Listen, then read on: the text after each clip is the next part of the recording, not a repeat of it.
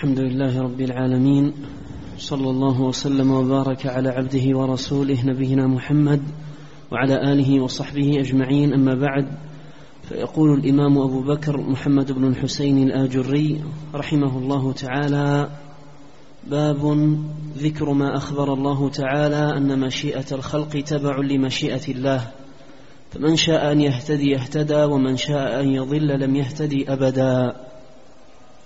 قال الله تعالى في سورة البقرة كان الناس أمة واحدة فبعث الله النبيين مبشرين ومنذرين وأنزل معهم الكتاب بالحق ليحكم بين الناس فيما اختلفوا فيه وما اختلف فيه إلا الذين أوتوه من بعد ما جاءتهم البينات بغيا بينهم فهدى الله الذين آمنوا لما اختلفوا فيه من الحق بإذنه والله يهدي من يشاء إلى صراط مستقيم. وقال تعالى فيها ولو شاء الله ما اقتتلوا ولكن الله يفعل ما يريد وقال تعالى في سورة الأنعام وإن كان كبر عليك إعراضهم فإن استطعت أن تبتغي نفقا في الأرض أو سلما في السماء فتأتيهم بايه ولو شاء الله لجمعهم على الهدى فلا تكونن من الجاهلين وقال تعالى في هذه السورة والذين كذبوا بآياتنا صم وبكم في الظلمات من يشاء الله يضلله ومن يشاء يجعله على صراط مستقيم. وقال تعالى اتبع ما أوحي إليك من ربك لا إله إلا هو وأعرض عن المشركين ولو شاء الله ما أشركوا وما جعلناك عليهم حفيظا وما أنت عليهم بوكيل. وقال تعالى ولو أننا نزلنا إليهم الملائكة وكلمهم الموتى وحشرنا عليهم كل شيء قبلا ما كانوا ليؤمنوا إلا أن يشاء الله ولكن أكثرهم يجهلون. وقال تعالى في سورة هود ولو شاء ربك لجعل الناس أمة واحدة ولا يزالون مختلفين إلا من رحم ربك ولذلك خلقهم وتمت كلمة ربك لأملأن جهنم من الجنة والناس أجمعين. بسم الله الرحمن الرحيم. الحمد لله رب العالمين. وأشهد أن لا إله إلا الله وحده لا شريك له. وأشهد أن محمدا عبده ورسوله صلى الله وسلم عليه وعلى آله وأصحابه أجمعين. اللهم علمنا ما ينفعنا وانفعنا بما علمتنا وزدنا علما. وأصلح لنا شأننا كله ولا تكلنا إلى أنفسنا طرفة عين. أما بعد هذه الترجمة متممة لما قبلها من تراجم في تقرير ما يتعلق بهذا الأصل العظيم من أصول الإيمان وهو الإيمان بالقدر. فمن الإيمان بالقدر أن نؤمن بأن الأمور كلها بمشيئة الله.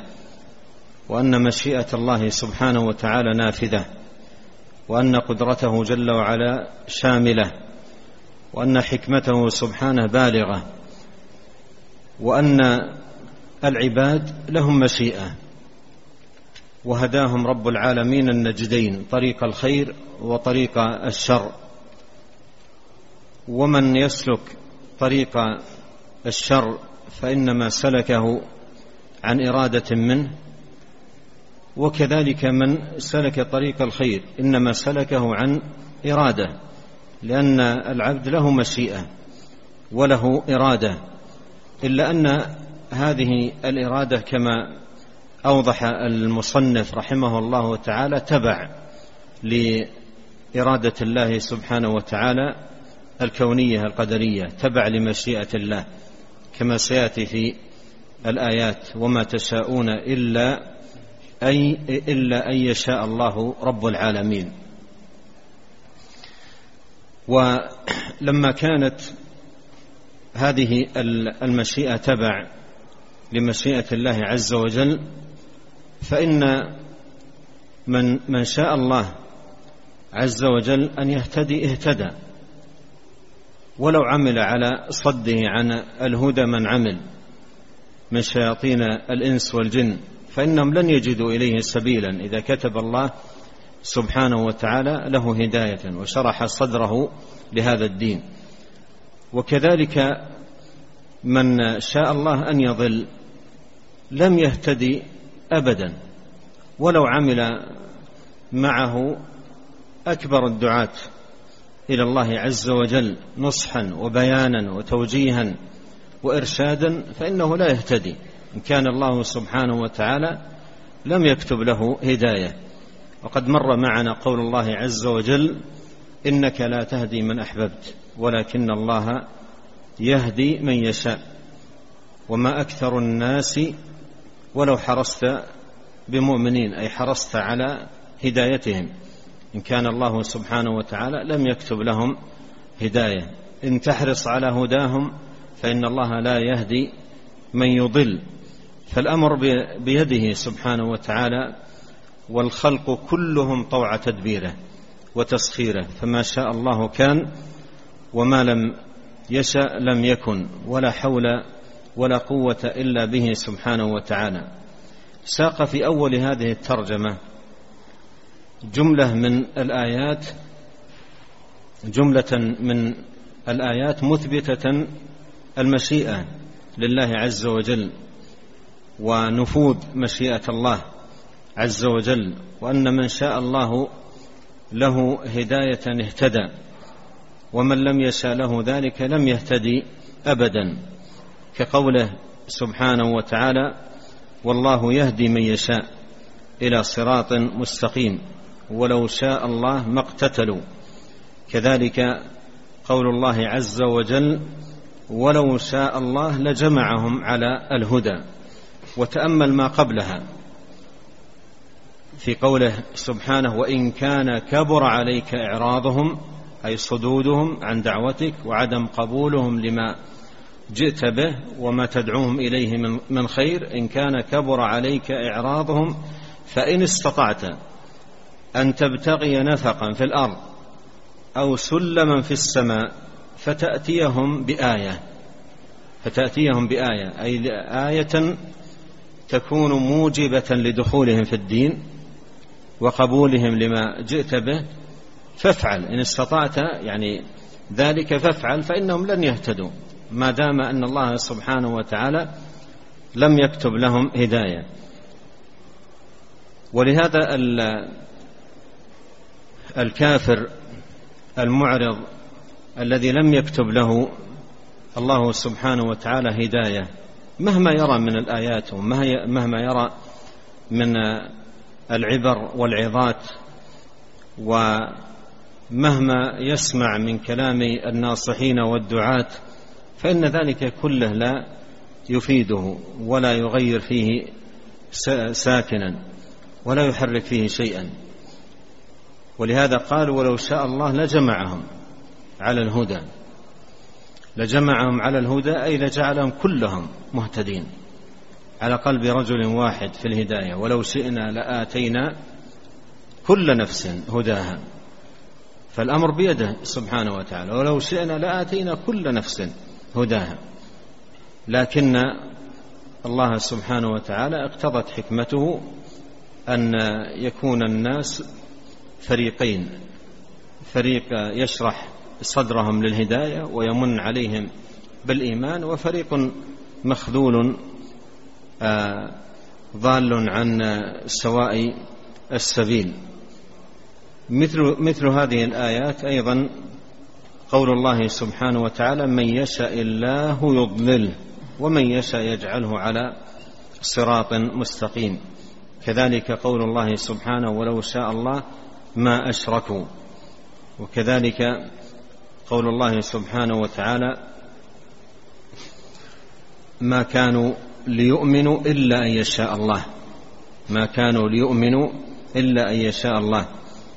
وأيضا قوله سبحانه وتعالى ولو شاء ربك لجعل الناس أمة واحدة. هذا نظير قوله فيما تقدم لجمعهم على الهدى. جعلهم أمة واحدة أي لجمعهم كلهم على الهدى أمة مسلمة آه، مطيعة لله سبحانه وتعالى. ولو شاء ربك لجعل الناس أمة واحدة مثل قوله ولو شئنا لآتينا كل نفس هداها. ولا يزالون مختلفين إلا من رحم ربك ولذلك خلقهم. وتمت كلمة ربك لأملأن جهنم من الجنة والناس أجمعين. ومن بعد إراده لهذه الآية الكريمة من سورة هود نقل بعض النقول في التوضيح والبيان لمعناها. نعم. قال رحمه الله تعالى أخبرنا الفريابي قال حدثنا أبو بكر ابن أبي شيبة قال حدثنا إسماعيل بن علية عن منصور بن عبد الرحمن قال قلت للحسن قوله تعالى ولا يزالون مختلفين إلا من رحم ربك ولذلك خلقهم. قال ومن رحم ربك غير مختلفين.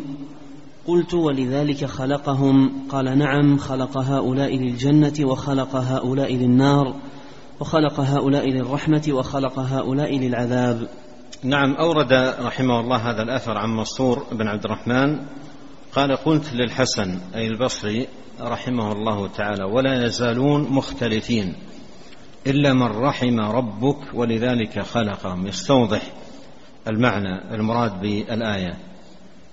قال ما ومن رحم ربك غير مختلفين. ومن رحم ربك غير مختلفين لا يزالون مختلفين إلا من رحم ربك. أي من رحم ربك غير مختلفين. فعاد الأمر إلى مشيئة الله سبحانه وتعالى النافذة في العباد. فالعباد لا يزالون مختلفين إلا من شاء الله سبحانه وتعالى لهم برحمته إياهم فلا لا لا يكون منهم هذا الاختلاف بل يكونون قلبا واحدا على الحق ولزومه والاستمساك به. ومن رحم ربك غير مختلفين. قلت ولذلك خلقهم؟ قال نعم. خلق هؤلاء للجنة وخلق هؤلاء للنار. خلق هؤلاء للجنة وخلق هؤلاء للنار.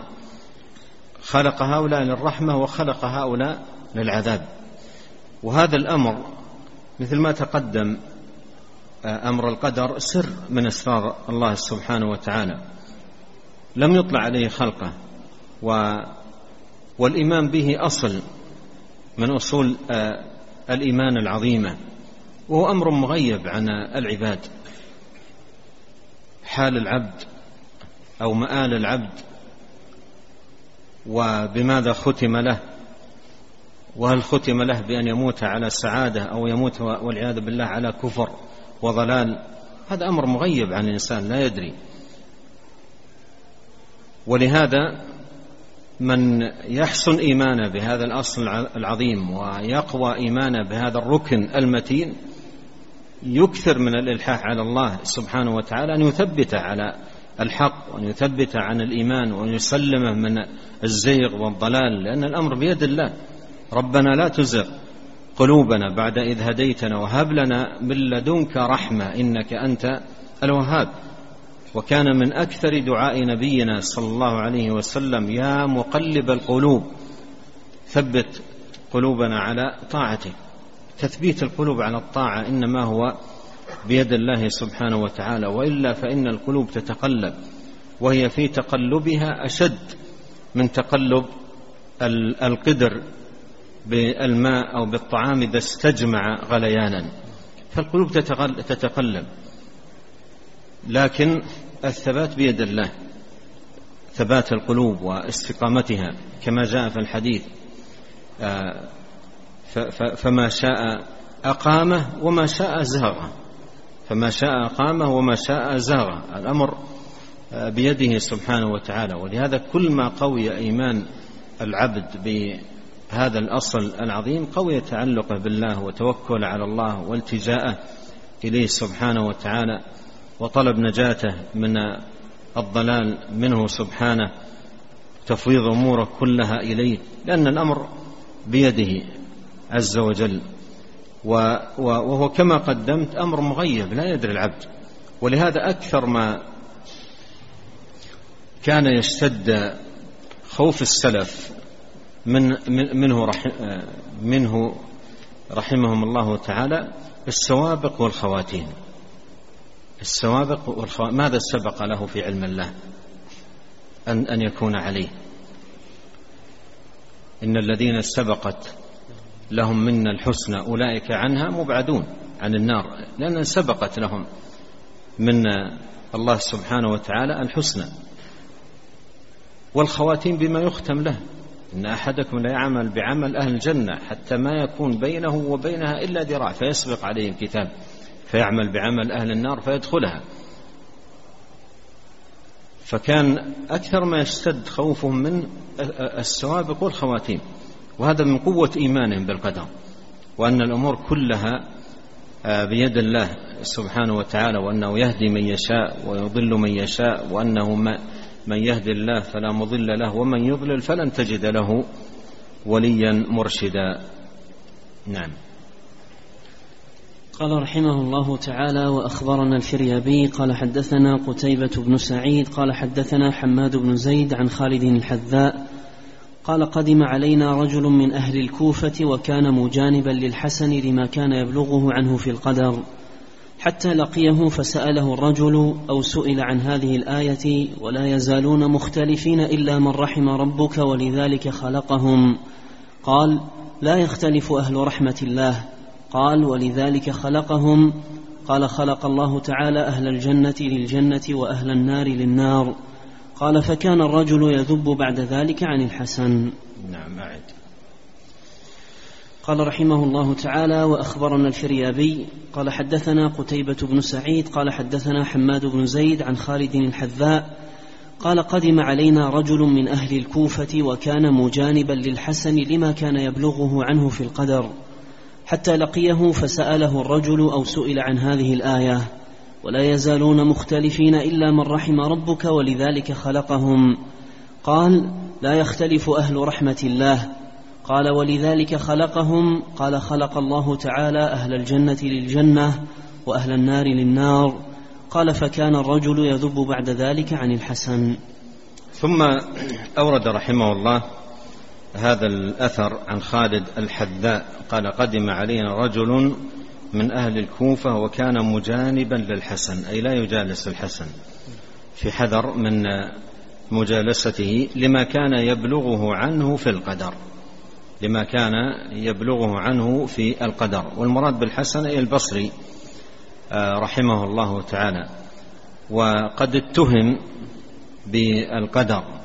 اتهم رحمه الله تعالى بالقدر. وقال بعض أهل العلم إنه بريء من هذه التهمة. وجاء نقولات عن بعض أهل العلم في تبرئته من ذلك وأنها تهمة باطلة لا, لا تصح نسبتها إليه. ومن أهل العلم من قال إن إنه رحمه الله تعالى علقت به بعض شبهات القدرية لكنه رجع لكنه رجع عن ذلك. ولم يعد يقل بشيء من من ذلك. الحاصل أن الحسن البصري رحمه الله تعالى إمام من أئمة السلف ونقوله النقول عنه في باب الاعتقاد وأمور الديانة كثيرة وكلها على المنهج الحق منهج أهل السنة والجماعة بما في ذلك أيضا ينقل عنه نقولات عديدة في باب القدر وهو فيها ماض على جادة أهل السنة رحمهم الله تعالى وطريقتهم. وبعض بعض المعتزلة يدعون أنه منهم بل بلغ الأمر إلى أن كذب عليه رسالة باطلة في القدر ادعوا أنها من تأليف الحسن البصري حتى إنها طبعت في هذا الزمان منسوبة إليه. وهي على طريقة المعتزلة ولا تصح نسبتها بحال إلى الإمام الحسن البصري رحمه الله تعالى. بل ما ينقل عنه في كتب آه، السنة آه، مما نقله عنه أئمة السلف رحمه الله تعالى كافية في إبطال ما جاء في تلك الرسالة المنسوبة إليه زورا وبهتانا رحمه الله تعالى. يقول خالد الحذاء أن رجل من أهل الكوفة كان مجانبا للحسن أي مجانبا لمجالسته وحضور مجالسه لما كان يبلغه عنه في القدر لما كان يبلغه عنه في القدر. هنا انتبه إلى أمر جدير بأن تنتبه له. أحيانا بعض أهل العلم ينقل عنه كلام ينقل عنه كلام حتى في جوانب من الاعتقاد. إما أن يكون الناقل فهمه خطأ. إما أن يكون الناقل فهمه خطأ. أو يكون العالم في تلك المرة الواحدة زل لسانه ووقع آه، في خطأ. ربما لم يكن متنبها له يكون خطأ في اللفظ. لا في حقيقة المعنى ولو نبه بلطف وبرفق لرجع آه، ولا أعلن آه، رجوعه وتوبته من من خطأ. لكن أحيانا تكون زلة أو يكون كلام يقوله وهو غير منتبه للأمر. ثم يتناقل عنه وربما بعض الناس يعظم الأمر فينسبه جملة وتفصيلا إلى فرقة من فرق الضلال يجعله منهم ويخرجه من السنة جملة وتفصيلا ولا يلتفت إلى أي شيء عنده من أمور الحق والهدى والعلم والنفع والفائدة. فهذا جانب حقيقة ينبغي أن يلحظ يعني أحيانا قد تكون عبارة ألقاها عن زلة لسان أو عن غير قصد أو عن عن عدم انتباه لما تؤدي إليه مثلا أو ما يلزم منها من لوازم منحرفة. فتنقل عنه ولو نوصح فيها وبين له لرجع عن, قالته وحصل خير عظيم. يذكرون من القصص في هذا الباب قصة نقلها آه، فيما أذكر ابن العربي في في تفسيره. وذكر أن رجلا غريبا جاء إلى مجلس أحد أهل العلم ودنا مجلسه ليستفيد من علمه. فكان مما قال ذلك العالم في درسه. إن النبي عليه الصلاة والسلام طلق وآل وظاهر. طلق وآل وظاهر.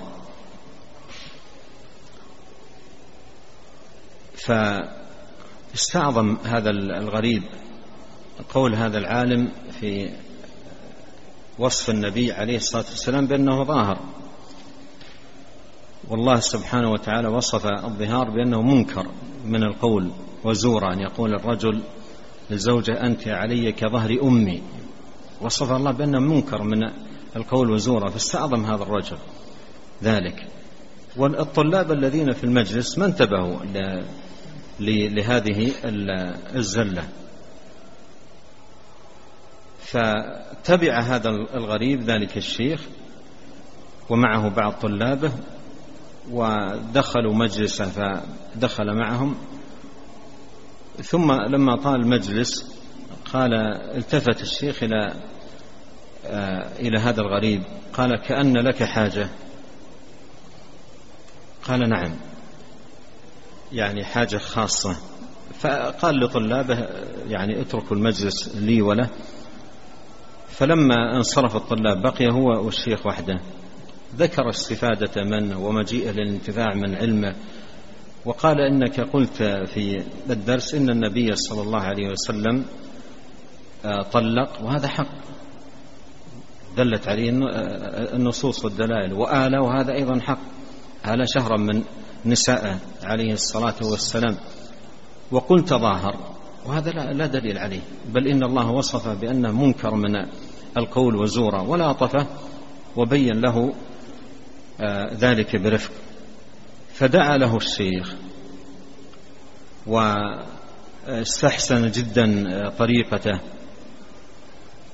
استحسن طريقته في البيان. يقول فمن الغد بكرت لمجلسه حتى أقرب منه وأستفيد. فوجدت أن أني سبقت في في الدرس والطلاب ملأوا الأماكن القريبة من الشيخ والشيخ بدأ بالدرس. يقول فلما أقبلت قطع الدرس. وقال افسحوا لشيخي مرحبا بشيخي. افسحوا له. يقول ما أخذت الأرض تقلني من وصف أمرا عجيبا. القصة تجدونها في آه، كتاب آه، أظنها في كتاب التفسير لابن العربي. قصة عجيبة فيها أن مثل هذا اللطف ومثل هذا الرفق هو الذي بإذن الله سبحانه وتعالى تتحقق به المصالح. وقد يكون العالم قال الكلمة عن غير قصد عن زلة لسان. لو نوصح برفق لتركها مباشرة. لو بين له بلطف لا أعلن. وأعلن توبته. قال إني أتوب إلى الله مما قلت بالأمس. وبين أن هذا الشاب هو الذي أوضح له ذلك وهو الذي بين له وذكر طريقة الشاب ذكرها للطلاب فكان درسا وعبرة عظيمة جدا في آه، هذا الباب آه، العظيم. هنا انظر هذه القصة. هذا الرجل بلغ عن الحسن كلام في القدر فكان يجانب مجلسه. كان يجانب مجلس مجلسه حتى لقيه أي مرة فسأله الرجل أو سئل يعني سأله شخص آخر والأقرب أن سأله رجل آخر لأن هذا الأول مستوحش منه ولا يقرب مجالسه فلعله لقيه جمع بينه وبين مجلس فسأله رجل عن قول الله ولا يزالون مختلفين إلا من رحم ربك ولذلك خلقهم. ولذلك خلقهم. قال لا يختلف أهل رحمة الله. لا يختلف أهل رحمة الله. من رحمهم الله لا, لا يختلفون بل هم على الحق والهدى. ولذلك خلقهم قال خلق الله تعالى أهل الجنة للجنة وأهل النار للنار. وهذا واضح واضح تماما في أنه يثبت الإيمان بالقدر. وأنه بريء من مقالة المعتزلة نفاة القدر. المعتزلة ما يقولون إن الله خلق أهلا للجنة وخلق أهلا آه، للنار. أبدا لا يقولون ذلك. فأدرك الرجل أن ما بلغه عنه ليس بصحيح. ما هو الرجل يقرر خلاف ذلك. فتحول من ساعته إلى الذب عن الحسن البصري رحمه الله تعالى بعد أن كان هاجرا ومجانبا هاجرا له ومجانبا لمجالسه. قال فكان الرجل يذب بعد ذلك عن الحسن. فكان الرجل يذب بعد ذلك عن الحسن. فهذه القصة ينبغي حقيقة أن يكون فيها عبرة للشباب وطلاب العلم والاستفادة من هذه الأخبار العظيمة وحسن التأمل لها له بإذن الله سبحانه وتعالى أثره في طريقة التعامل في طريقة التعامل بحيث تكون بإذن الله تبارك وتعالى طريقة مسددة سالمة من الخلل. نعم. قال رحمه الله تعالى وقال الله تعالى في سورة إبراهيم عليه السلام وما أرسلنا من رسول إلا بلسان قومه ليبين لهم فيضل الله من يشاء ويهدي من يشاء وهو العزيز الحكيم. وقال تعالى في سورة النور لقد أنزلنا آيات مبينات والله يهدي من يشاء إلى صراط مستقيم. وقال تعالى في سورة القصص لنبيه عليه السلام إنك لا تهدي من أحببت ولكن الله يهدي من يشاء وهو أعلم بالمهتدين. وقال لنبيه صلى الله عليه وسلم في سورة الملائكة إن الله يسمع من يشاء وما أنت بمسمع من في القبور إن أنت إلا نذير. وقال تعالى في سورة حاميم عين سين قاف ولو شاء الله لجعلهم أمة واحدة ولكن يدخل من يشاء في رحمته. وقال في سورة المدثر كلا إنه تذكرة فمن شاء ذكره وما يذكرون إلا أن يشاء الله هو أهل التقوى وأهل المغفرة. وقال تعالى في سورة هل أتى على الإنسان حين من الدهر لم يكن شيئا مذكورا؟ بعد أن حذر من النار وشوق إلى الجنان مما أعد فيه مما أعد فيها لأوليائه فقال بعد ذلك إن هذه تذكرة فمن شاء اتخذ إلى ربه سبيلا. ثم قال وما تشاءون إلا أن يشاء الله إن الله كان عليما حكيما. يدخل من يشاء في رحمته والظالمين أعد لهم عذابا أليما. وقال تعالى في سورة إذا الشمس كورت لمن شاء منكم أن يستقيم وما تشاءون إلا أن يشاء الله رب العالمين.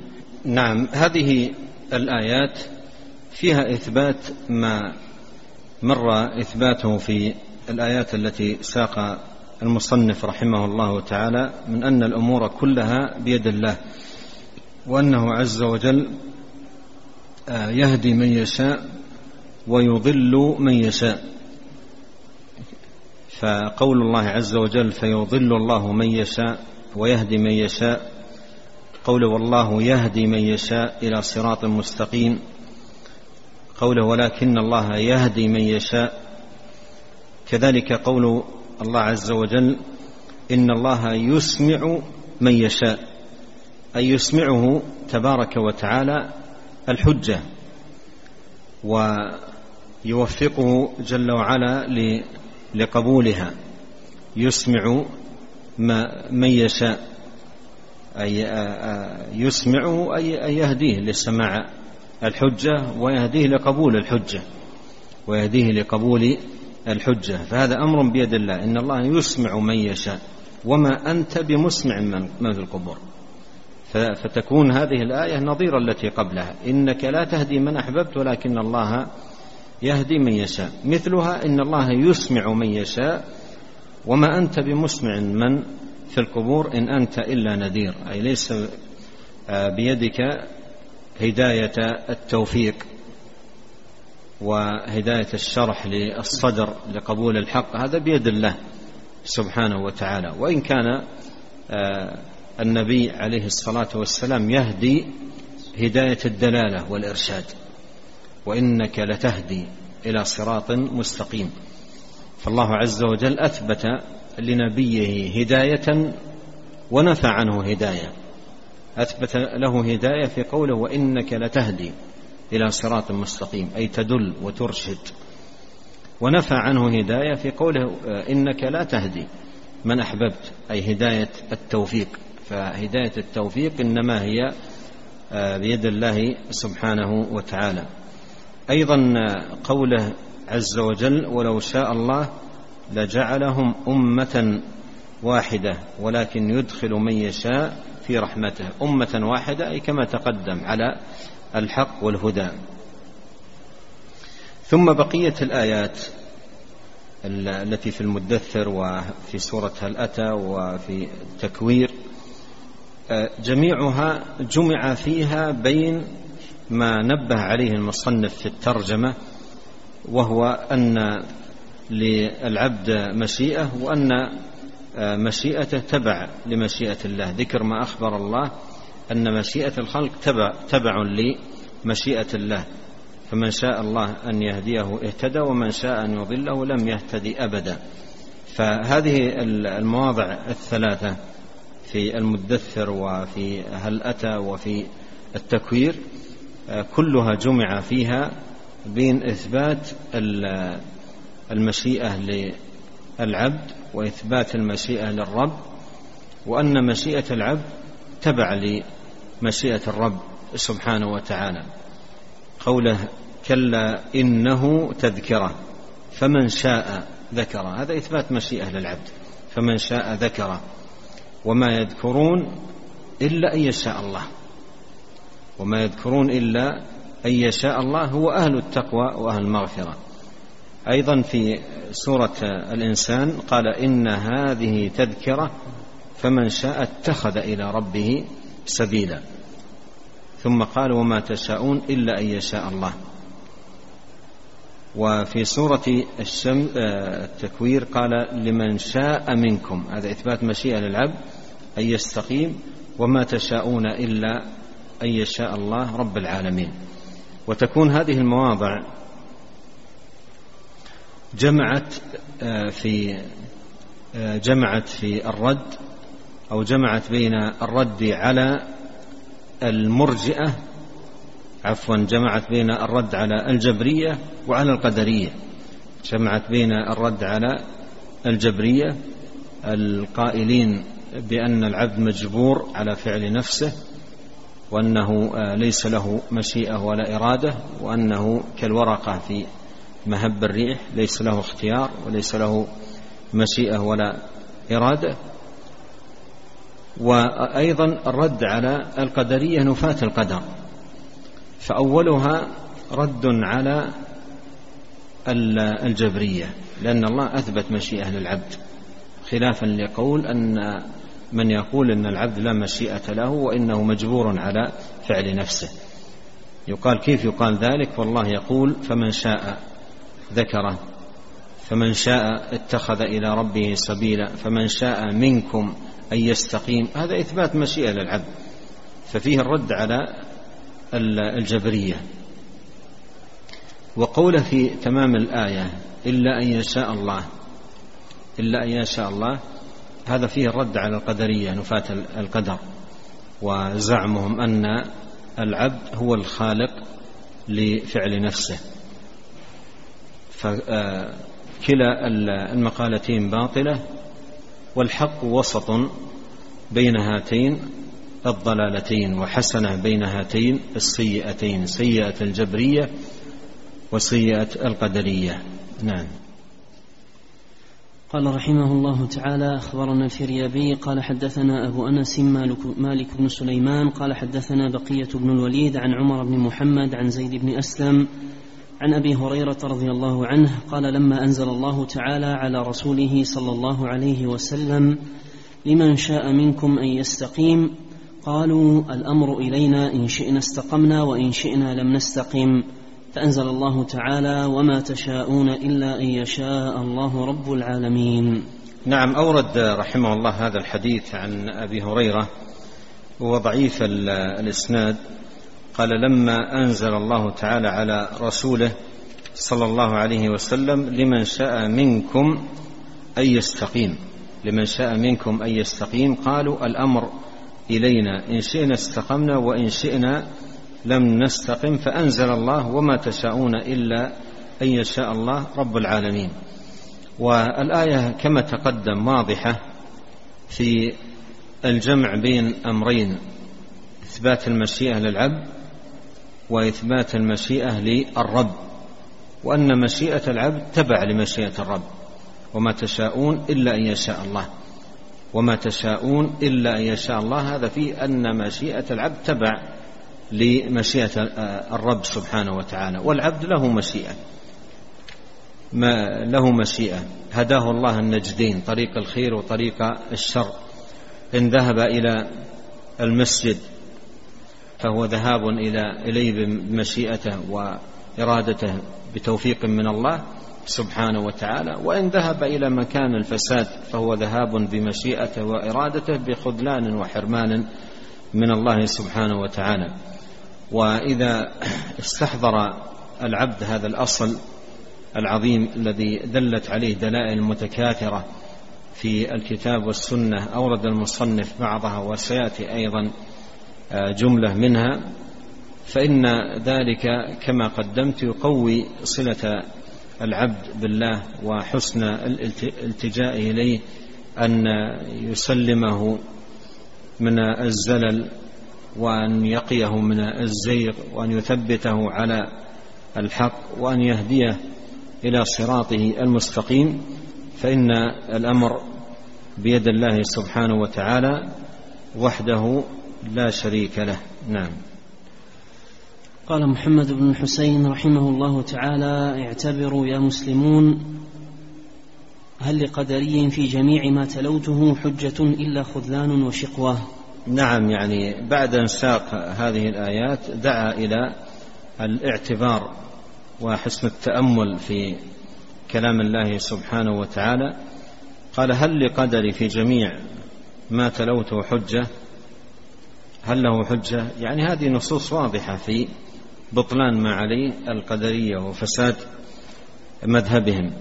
هل لقدري في جميع ما تلوته حجة؟ إلا خذلان وشكوة ونسأل الله الكريم آه، رب العرش العظيم أن يصلح أحوالنا أجمعين وأن يثبتنا على الحق والهدى وأن يعين وأن يعيذنا من الزيغ والردى وأن يصلح لنا شأننا كله وألا يكلنا إلى أنفسنا طرفة عين وأن يغفر لنا ولوالدينا ولمشايخنا ولولاة أمرنا والمسلمين والمسلمات والمؤمنين والمؤمنات الأحياء منهم والأموات. اللهم آت نفوسنا تقواها وزكها. أنت خير من زكاها. أنت وليها ومولاها. اللهم إنا نسألك الهدى والتقى والعفة والغنى. اللهم اقسم لنا من خشيتك ما يحول بيننا وبين معاصيك. ومن طاعتك ما تبلغنا به جنتك ومن اليقين ما تهون به علينا مصائب الدنيا. اللهم متعنا بأسماعنا وأبصارنا وقوتنا ما أحييتنا واجعله الوارث منا واجعل ثأرنا على من ظلمنا وانصرنا على من عادانا. ولا تجعل مصيبتنا في ديننا ولا تجعل الدنيا أكبر همنا ولا مبلغ علمنا ولا تسلط علينا من لا يرحمنا. قبل أن أختم أنبه إلى أن آه، الدرس الذي يكون في شهر رمضان بإذن الله سبحانه وتعالى بعد العصر سيكون في كتاب فضائل القرآن للإمام النسائي رحمه الله تعالى.